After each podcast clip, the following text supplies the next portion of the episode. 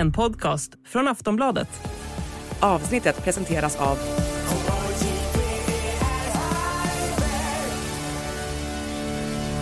Stödlinjen.se, åldersgräns 18 år.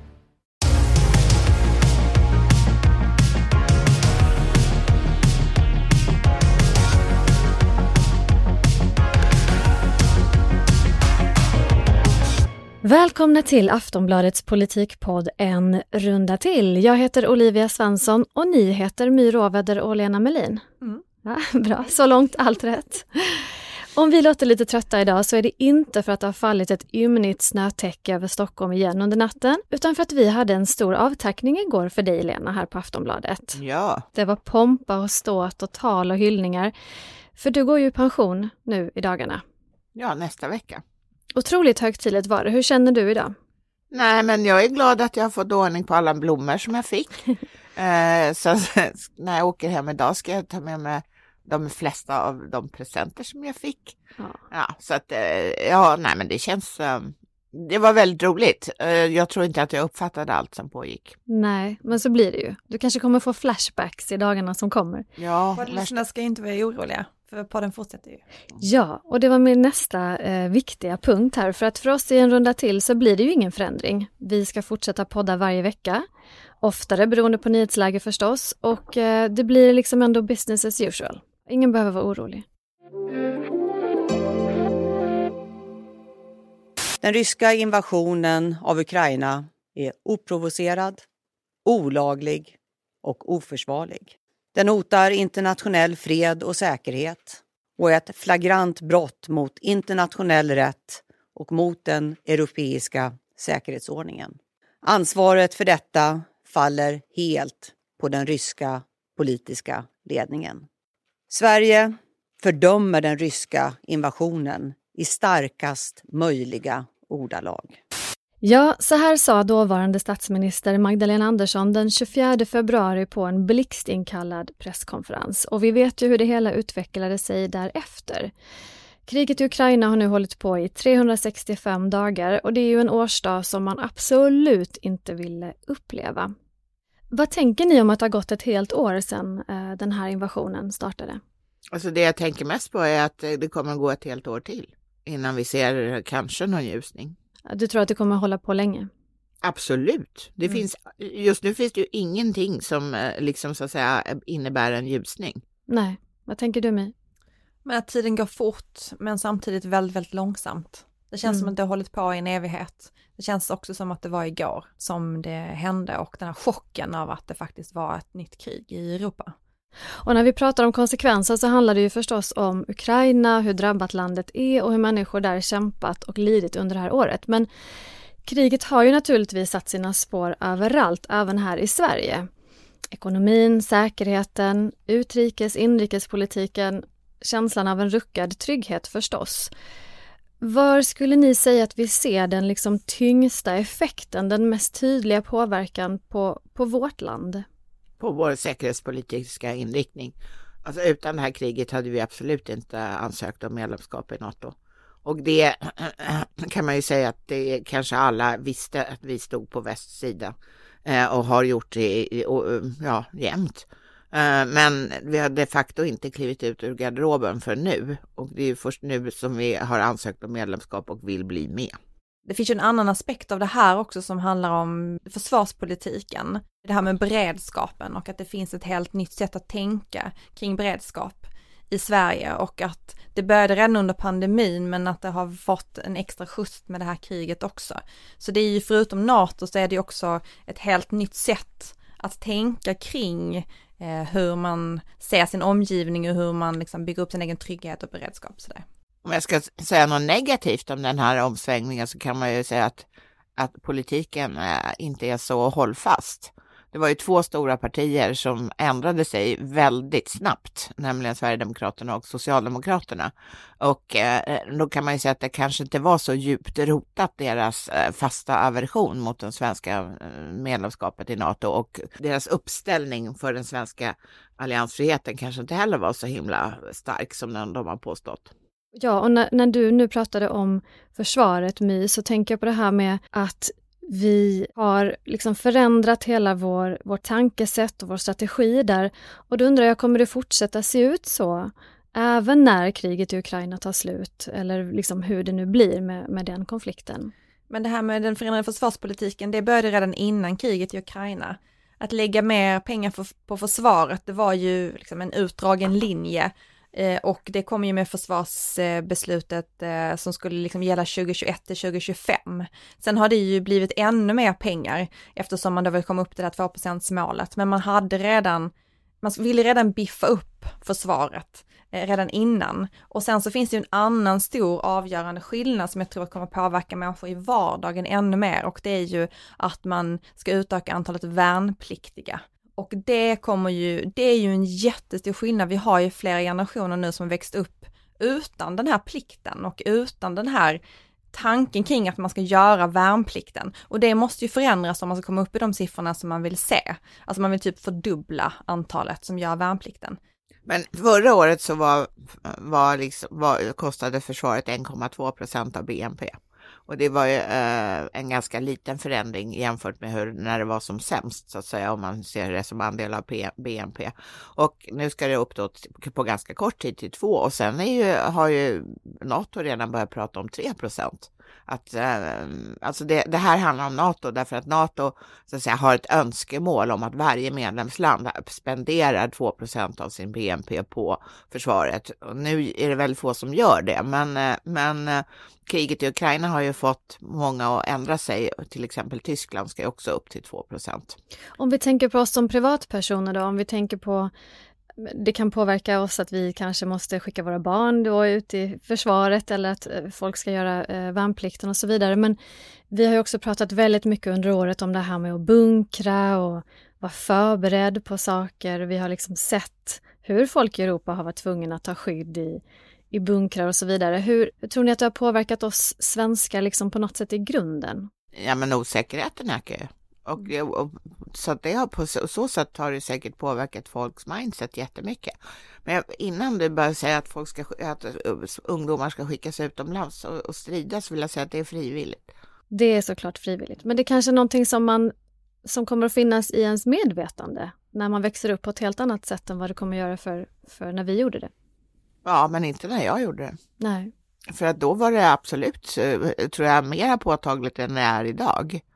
Det var, då förekom ju också någonting som hette repetitionsövningar, så då gjorde man inte bara värnplikt utan hela tiden upp till man var 45 tror jag, så, så kallades eh, män in för repetitionsövningar och det, berodde, det betydde ju att man hela tiden såg människor i militära uniform på väg till sin, förlägg, sin ort där de skulle göra eh, antingen värnplikt eller repetitionsövningar. Och så det minns jag när min pappa kom hem ja, från repmånaden. Det minns jag också och min pappa ställde k-pisten i hallen och sen gick han och tog en kopp kaffe. Som man gör. Ja. Det här med beredskap är ju väldigt spännande hur snabbt det kunde slå om från att liksom lagren är tomma, man kan mm. inte klara sig hemma.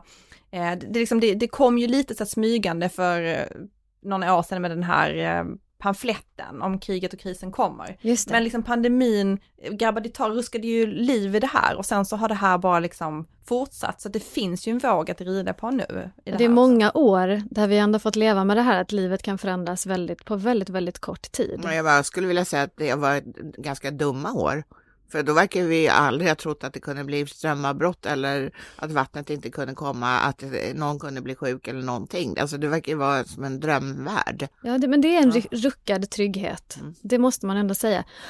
Är politikerna som styr då liksom rustade för en kanske en mer allvarlig upptrappning eller för att det kan bli långvarigt?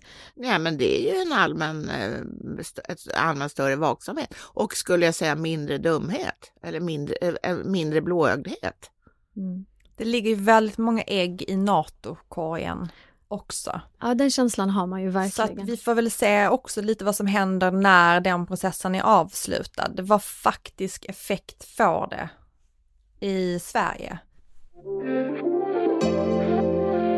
Magdalena Andersson var ju statsminister när kriget bröt ut och nu är det Ulf Kristersson och då är jag nyfiken på skiljer sig deras hantering av eller liksom retoriken kring konflikten åt på något sätt? Men båda har ju poängterat hur allvarligt läget är. Eh, eh, Ulf Kristersson har dessutom lagt till att det är på riktigt, vilket ju är tacksamt att han inte håller på att skrämmas i onödan. Just det, det är på riktigt. Det säger min treåring också hela Mm. tiden när hon vill riktigt. understryka saker. Mm. Det är ett ändå. jättebra sätt. Magdalena Andersson hade ju en 24 timmar av ehm, svårigheter när, det, när liksom invasionen väl skedde, när hon inte riktigt kunde svara på om det här var en invasion av Ryssland av Ukraina. Det var liksom de där första timmarna. Men sen Hon hittade inte orden hon riktigt. hittade inte riktigt orden. Men efter det så har det ju varit väldigt samstämmigt. Det enda som har stått ut, det är ju att Vänsterpartiet misslyckades med att enas om att skicka vapen till Ukraina den där första gången när man liksom skulle spräcka det här med att man inte skickar vapen till krigsförande länder. Ja, det minns vi. Eh, det kommer alla minnas och det kommer ingen att låta Vänsterpartiet glömma heller. Sen är det väldigt intressant det här med vapen, för det är ju dels så att det nu kommer ju uppstå en världsbrist på vapen därför att de här, den, eh, den tillgängliga vapenindustrin har inte kapacitet att, att producera det som, som alla vill ha nu. För eftersom alla upprustar och alla vill ge saker och ting till Ukraina. Men det är liksom den negativa sidan. Men den positiva sidan för svensk ekonomi i, i den här frågan, det är ju att vi har ju, för att vara ett sånt litet land, en ganska omfattande krigsindustri. Och de lever ju livets glada dagar nu. De har Okej. följt upp. Ja, för det första säljer de allting som de överhuvudtaget kan producera och de kan ta jättebra betalt. Det blir ju fart i den industrin på ett helt annat sätt än vad man hade kunnat förutse. Ja, och för inte jättelänge sedan så brukade folk ha lite besvär att säga att de jobbade på Hägglunds eller på Saab eller något sånt där. Eh, Eller Bofors. Därför att folk tyckte inte om det här. Men det verkar, det verkar vara en svunnen tid. Just det, nu gör de istället en insats. Ja. Nu åker det rakt upp på LinkedIn.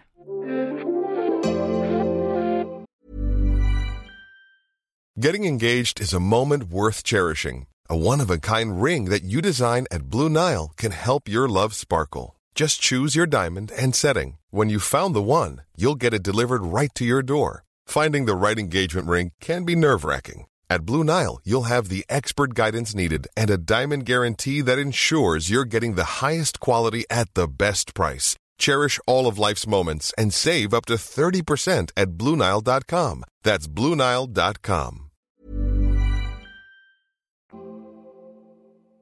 Nu byter vi ämne och det kan tyckas brutalt, men det finns ju en annan sak som svenskarna tänker på mycket just nu. Elstödet.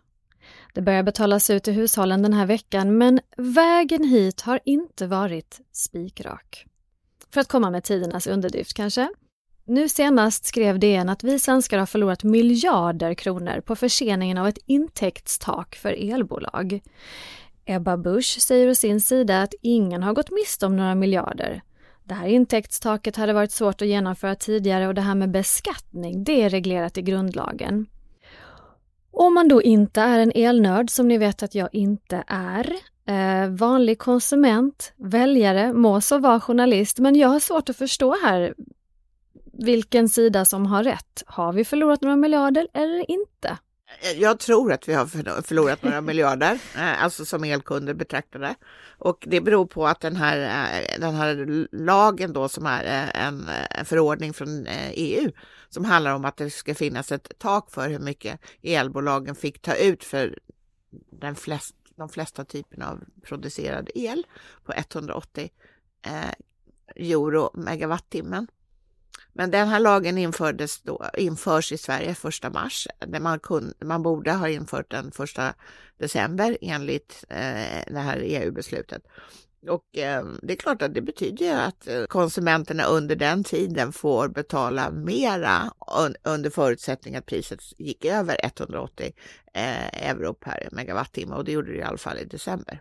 Alltså det här kan man ju verkligen djupdyka i på olika typer av sociala medier när det är battle mellan journalister, journalister, politiker, politiska tjänstemän, olika typer av politiska tjänstemän. Alla har liksom en ingång i det här egentligen. Det kommer från ingången från ekonomin, det kommer ingången från EU, det kommer ingången på liksom hur funkar lagar i Sverige. Precis. Men och igen- alla verkar ha sin egen miniräknare. Alla har sin egen minräknare, men det man egentligen kan säga är väl så här, de bråkar då om, är det miljarder eller är det liksom jättemånga miljoner man kan ha gått miste om? Så att egentligen så är det så här, som Lena säger, vi har förlorat pengar på det. Frågan Men liksom Ebba bara Busch är näringsminister, hon säger att vi inte har förlorat pengar på det här. Ja, men hon har ju själv begärt in underlag från Energimarknadsmyndigheten och en annan och Svenska kraftnät som har, det är de som har kommit med de här siffrorna. Så har vi fått de pengarna vi ska få eller inte?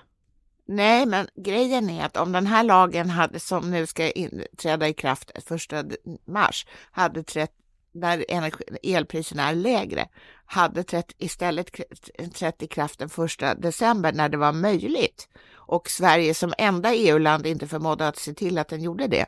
Eh, då, hade vi, då var ju elpriserna som sagt högre och då det är klart att då hade vi som konsumentkollektiv betraktat, eh, tjänat mer på att den infördes då istället för eh, nästa vecka. Jag tror att det är väldigt svårt för vanliga väljare och konsumenter att reda ut i det här för att det är väldigt många olika saker att hålla i huvudet samtidigt. Det är lagar, det är förordningar, det är skatteregler, det är väldigt, väldigt mycket och det är, ganska politisk krångligt. retorik Och som det är politisk sminka retorik. över olika typer av saker. Men jag Ja. tror att det man kan ändå slå fast är, precis som Lena sa, det har förlorats pengar. Frågan är hur mycket och frågan är vad har det för betydelse? Och frågan är vem har gjort något fel i så fall? Men Ja, men- Ja, men alltså det här, det här med att man inte kunde införa den här lagen för den första mars, det måste ju vara helt, det är ju en bluff. Eh, Det är klart att det hade lika gärna gått att att införa den första december. Därför, alla andra EU-länder lyckades ju med det i alla fall. Men något annat som hände i december var att Ebba Busch och Ulf Kristersson stod på en presskonferens och så sa de så här, läget är akut. Ni måste spara el, annars så kan ni bli bortkopplade. Mm. Det minns vi. Men nu säger en chef på Svenska kraftnät att han är missnöjd med hur den här informationen användes av regeringen. Så då har vi ju en till aspekt i det här med bortkopplingseffekten så att säga. Hur tungt väger Svenska kraftnäts ord nu? Alltså jag måste säga att jag tycker faktiskt den här personen från Svenska kraftnät gör deras uttalande lite mera drama mindre dramatiskt än det faktiskt var. Så att jag, jag tycker inte att det är jättekonstigt att Ebba Busch och Ulf Kristersson sa som de sa. Medan det är ju i och för sig alla betonade att, eh, att risken var ganska liten för att man, det verkligen skulle ske en bortkoppling. Du skrev också i din senaste kolumn om det här med elstödet och kallade det för regeringens mara. Det är ju väldigt starka ord. Nej, Berätta det om ditt ordval. Ja, men det rider ju dem som en mara hela tiden för att det blir det ena efter det andra dyker upp. Nu ska jag säga att, att eh, för att tala om att någonting har fungerat. Jag har fått mitt elstöd Har idag. du det? Ja, idag kom det, trillar in på bankkontot. Utbetalat på rätt konto? Ja, Wow. men i övrigt så måste jag säga att det är ju princip, det är nästan synd om regeringen för väl, nästan allting som kunde gå fel verkar jag ha gjort det. Och oppositionen rasar ju naturligtvis. Vänsterpartiet går så långt att de KU-anmäler både Ebba Busch och finansminister Elisabeth Svantesson. Det kanske inte är jätteotippat att de gör det, men jag är nyfiken på hur liksom stor skandal ni ändå tycker att det här verkar vara. Kan vi få veta mer som vi har gått miste om? Kan det finnas fler missförstånd eller är det här nu ett kapitel som vi kommer lägga bakom oss? Nej, men jag, jag tycker kanske inte att det här är, är, är den största skandalen jag varit med om i mitt liv. Men däremot så tycker jag att det är väldigt dåligt av, av Ebba Busch att hitta på saker som ju inte kan stämma. När Vad hon- tänker du när hon- på framförallt då? Ja, men när det gäller det här övervinststoppet. Eh, Det, det hon säger kan inte stämma helt enkelt. Får du ihop det My? Tycker du att Ebba Busch har liksom rätt ut det här på rätt sätt? Om vi säger så här, hon är ju väldigt övertygad om att det hon säger såklart är korrekt och hon vill upplysa konsumenterna. Hon har gått ut i DN och gjort en intervju med dem nu där hon försöker förklara hur hon tänkte då och vad som egentligen stämmer enligt henne. Men hon har inte tagit Lyckas hela ansvaret själv. Hon har ju sagt att det också är att man ska fråga Elisabeth Svantesson som är finansminister. Och vad har Elisabeth Exakt. Svantesson sagt då? Hon har inte sagt någonting än. Nej. Nej men det återstår väl att se. Det finns ju jättemånga experter på juridik som har uttalat sig också som säger att det visst gick att lösa och att det här med, för vad de pratar om är ju så här, det här är en skatt, man kan inte ha, sätta skatter retroaktivt i Sverige, det är emot grundlagen. Och, och då menar de så här att om man annonserar att en skatt ska ske, men man inte redan har klubbat den, så är den inte retroaktiv på samma sätt. Alltså för då kan man börja förbereda sig för att den kommer att komma, då är det liksom inte bara en överraskning och på det sättet så finns det liksom ett, man, man kan eh, använda grundlagen på det sättet också. Eh, sen har de tagit exemplet om att det här vet ju den här regeringen eftersom man utnyttjade det här eh, att man fick elbilsstöd på samma sätt. Man sa vi kommer att sluta dela ut det här stödet, men det klubbades inte från långt efteråt, men man slutade ändå betala det vid en viss tidpunkt. Så att det, de, de vet ju om hur man kan hantera det på det här sättet också. Men skulle det vara så specifikt för Sverige det här då? Är det det att vi är ett unikum då med våra skatteregler? Nej, men det är klart vi är inte ett unikum och dessutom precis som My säger, det finns ju alla möjliga sätt och, och man kan ju till exempel fatta beslutet i god tid innan man eh, inför det här övervinsttaket. Det är, det är en variant så slipper man ju allt tjafs. Och en sak som jag tycker är tröttsam ändå, det är när de hänvisar till olika saker med förhoppningen av att journalister inte ska läsa. Förhoppningen om att journalister inte ska läsa lagrådsremissen. De är det någonting vi gör så är det att läsa det finstilta. Det Lagrådet är ju en otrolig institution. Mm. Alltså den är, den är väldigt spännande på alla sätt, men men att säga då så här, nej men det står i lagrådsremissen att det här inte gick att införa och så läser människor lagrådsremissen och så säger de så här, det står inte i lagrådsremissen. nej, nej, det är ju lätt mm. att ta reda på, det här är ju offentliga dokument. Mm. Men innan vi lämnar det här området skulle jag vilja säga att bara att Ebba Busch trovärdighet är ju ganska låg när det gäller det här med elstöd, därför att hon försöker ju slingra sig ut ur allting. Alltså det mest pinsamma var ju när hon i Sveriges Radio-intervju sa att hon aldrig typ hade sagt att det skulle införas ett, e det skulle finnas ett elstöd på plats första november och betalas ut första, eh, före jul. När hon har skrivit under en debattartikel med exakt det innehållet i, i några dagar före valet. Det, så att hennes, jag måste säga att tyngden i hennes utsagor på det här området är lågt. Vad ger ni hennes insats som näringsminister här efter, vad kan det vara, 130 dagar eller någonting? Vad sätter ni för betyg hittills? Ja, det är inte godkänt. Och jag skulle vilja säga, ge henne ett gott råd. Rensa bland arbetsuppgifterna. Du har för mycket att göra, Ebba. My. Ah, nej, men det går inte så bra. Det kan man inte säga.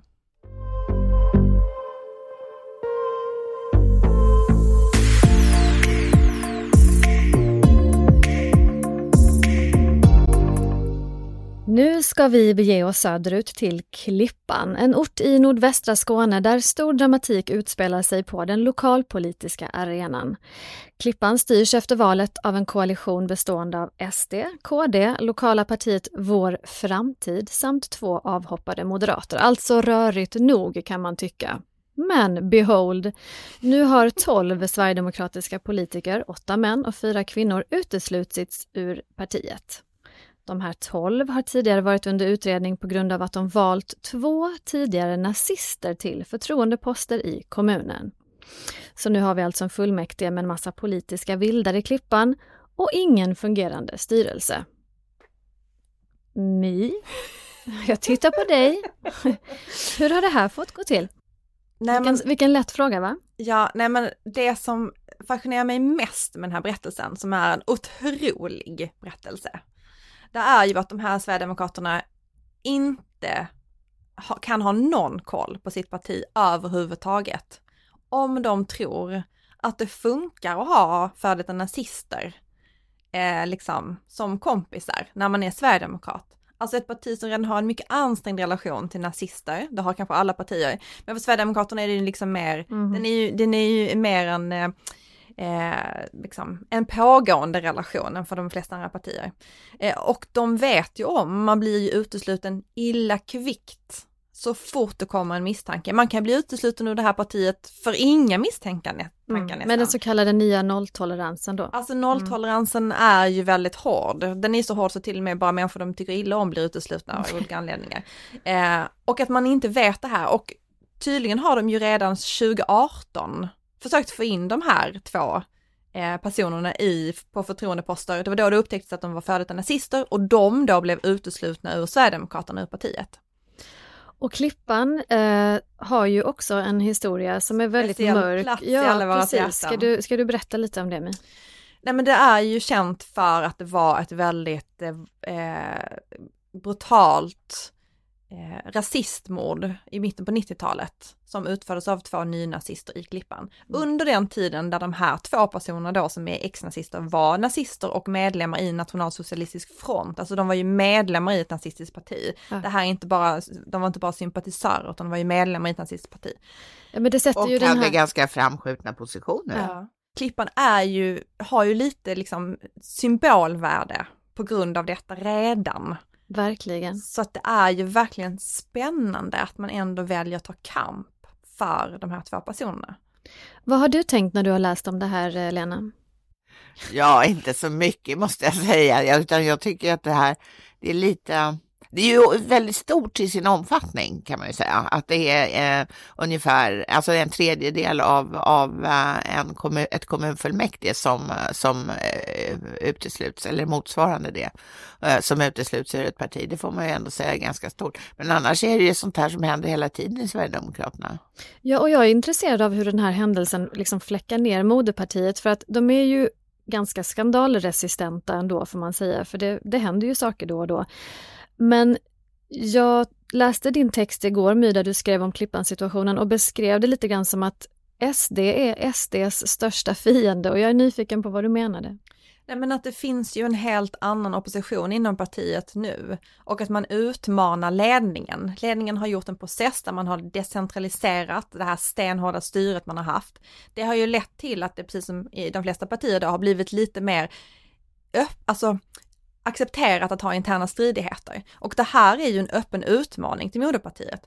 Sen tror jag att just en sån här skandal, eftersom de har den här stenhårda nolltoleransen, fläckar inte ner på det sättet. Det här är ändå två ex-nazister. De har sagt att de eh, har, har tagit avstånd till det här livet och den här liksom lokalföreningen i Klippan menar då att man ska ge dem en andra chans. Däremot så, vi var ju på plats i Klippan där de hade ett möte då häromdagen och det rimligaste som sades, tycker jag, när man läste rapporteringen, det var ju att en av de här före detta nazisterna sa så här, man vänjer sig. Det är så här det är när man har varit nazist. Ja, det är så det är när man har varit nazist. Du kanske inte kan bli just politiker. Det kanske finns andra platser i samhället där du kan förlåtas och accepteras, men just inom politiken är nazism lite känsligt fortfarande. Det kan man ju Too lugnt soon Säga med nazism. absolut too Det, soon. det de anför är också är ju att det var jättelänge sedan och att de var väldigt unga. Det roliga är att de försökt smyga in två nazister. För de är då inte folkvalet, man har försökt välja in dem på förtroendeposter, liksom genom nämnder och sådär. Eh, Så att de har inte stått på några listor eller något sånt. Och det tycker jag också är roligt. Att man försöker smyga in två nazister på förtroendeposter i en kommun. Ja, det var ju inte på vilka Ex-nazister. förtroendeposter eh, som helst, utan den ena skulle ju sitta i kommunstyrelsen.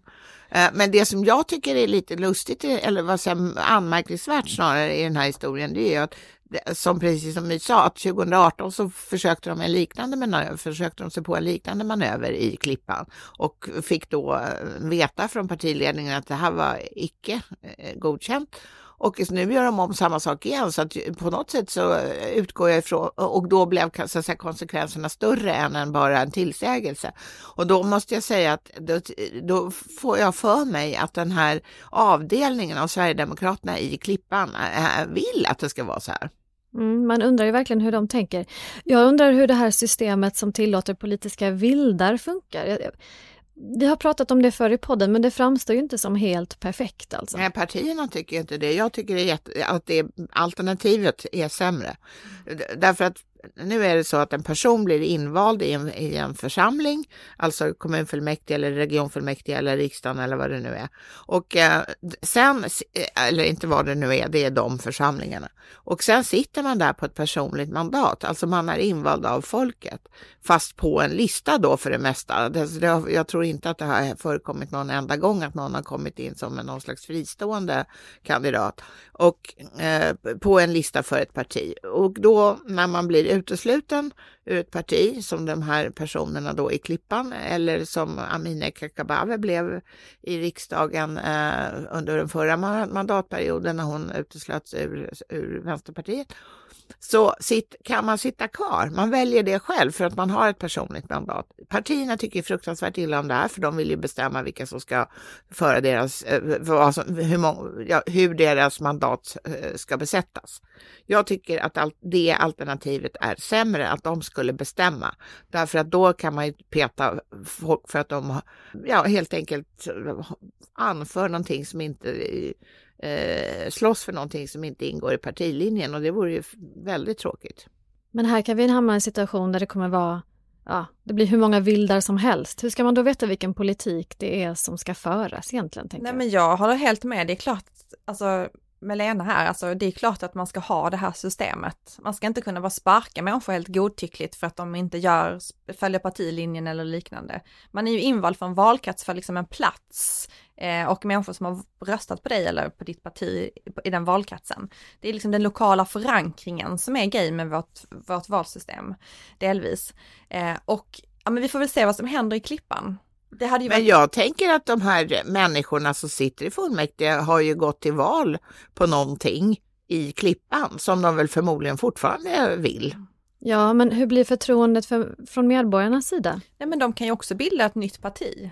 De kan ja. ju organisera sig i den gruppen som finns där och säga att vi är nu da, da, da. Alltså, ur ett väl, om man ser det ur ett väljarperspektiv så är det det tristaste som kan hända är ju att de här människorna som nu är uteslutna i Sverigedemokraterna inte gör det som de lovade väljarna i Klippan utan helt, börjar hitta på något helt annat. Då, men då får, får vi väl utgå från att de inte kommer att bli omvalda. Vad kan vi lära oss av det här kaoset i Klippan då? Det är så modernt att ta med sig saker. Va, vilken är lärdomen? Don't touch nazis. Don't touch nazis. Well spoken. Exakt, exakt. Om någon har varit nazist, låt dem vara din vän då. Men mm. försök inte välja in dem i, på en förtroendepost i en kommun. Det tar vi med oss. Nästa vecka så ska ni få svara på frågor i en runda till. Och om ni lyssnare har något som ni vill ha svar på så mejlar ni till podcast.aftonbladet.se.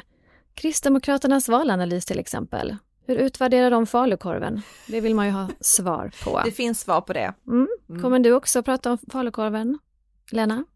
Ja, alltså jag gillar ju inte falukorvar, inte, inte ens heller. i valdebatter. Och det gör inte Kristdemokraterna heller, kan vi säga som en cliffhanger. Oh, det här måste ni lyssna på, det hör ni. Ingen fråga är för dum. Den tesen har jag aktivt levt efter sedan barnsben. Hörni, vi hörs snart igen, My och Lena. Ja. Det gör vi. Tack för idag. Hej då.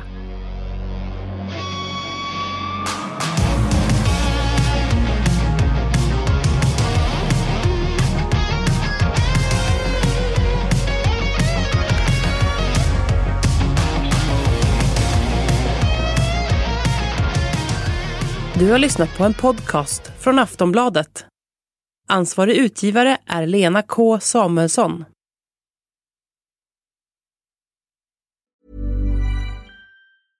Hej, jag Ryan Reynolds. På Mint Mobile, we like to do the opposite of what Big Wireless does. They charge you a lot, we charge you a little. So naturally, when they announced they'd be raising their prices due to inflation, we decided to deflate our prices due to not hating you.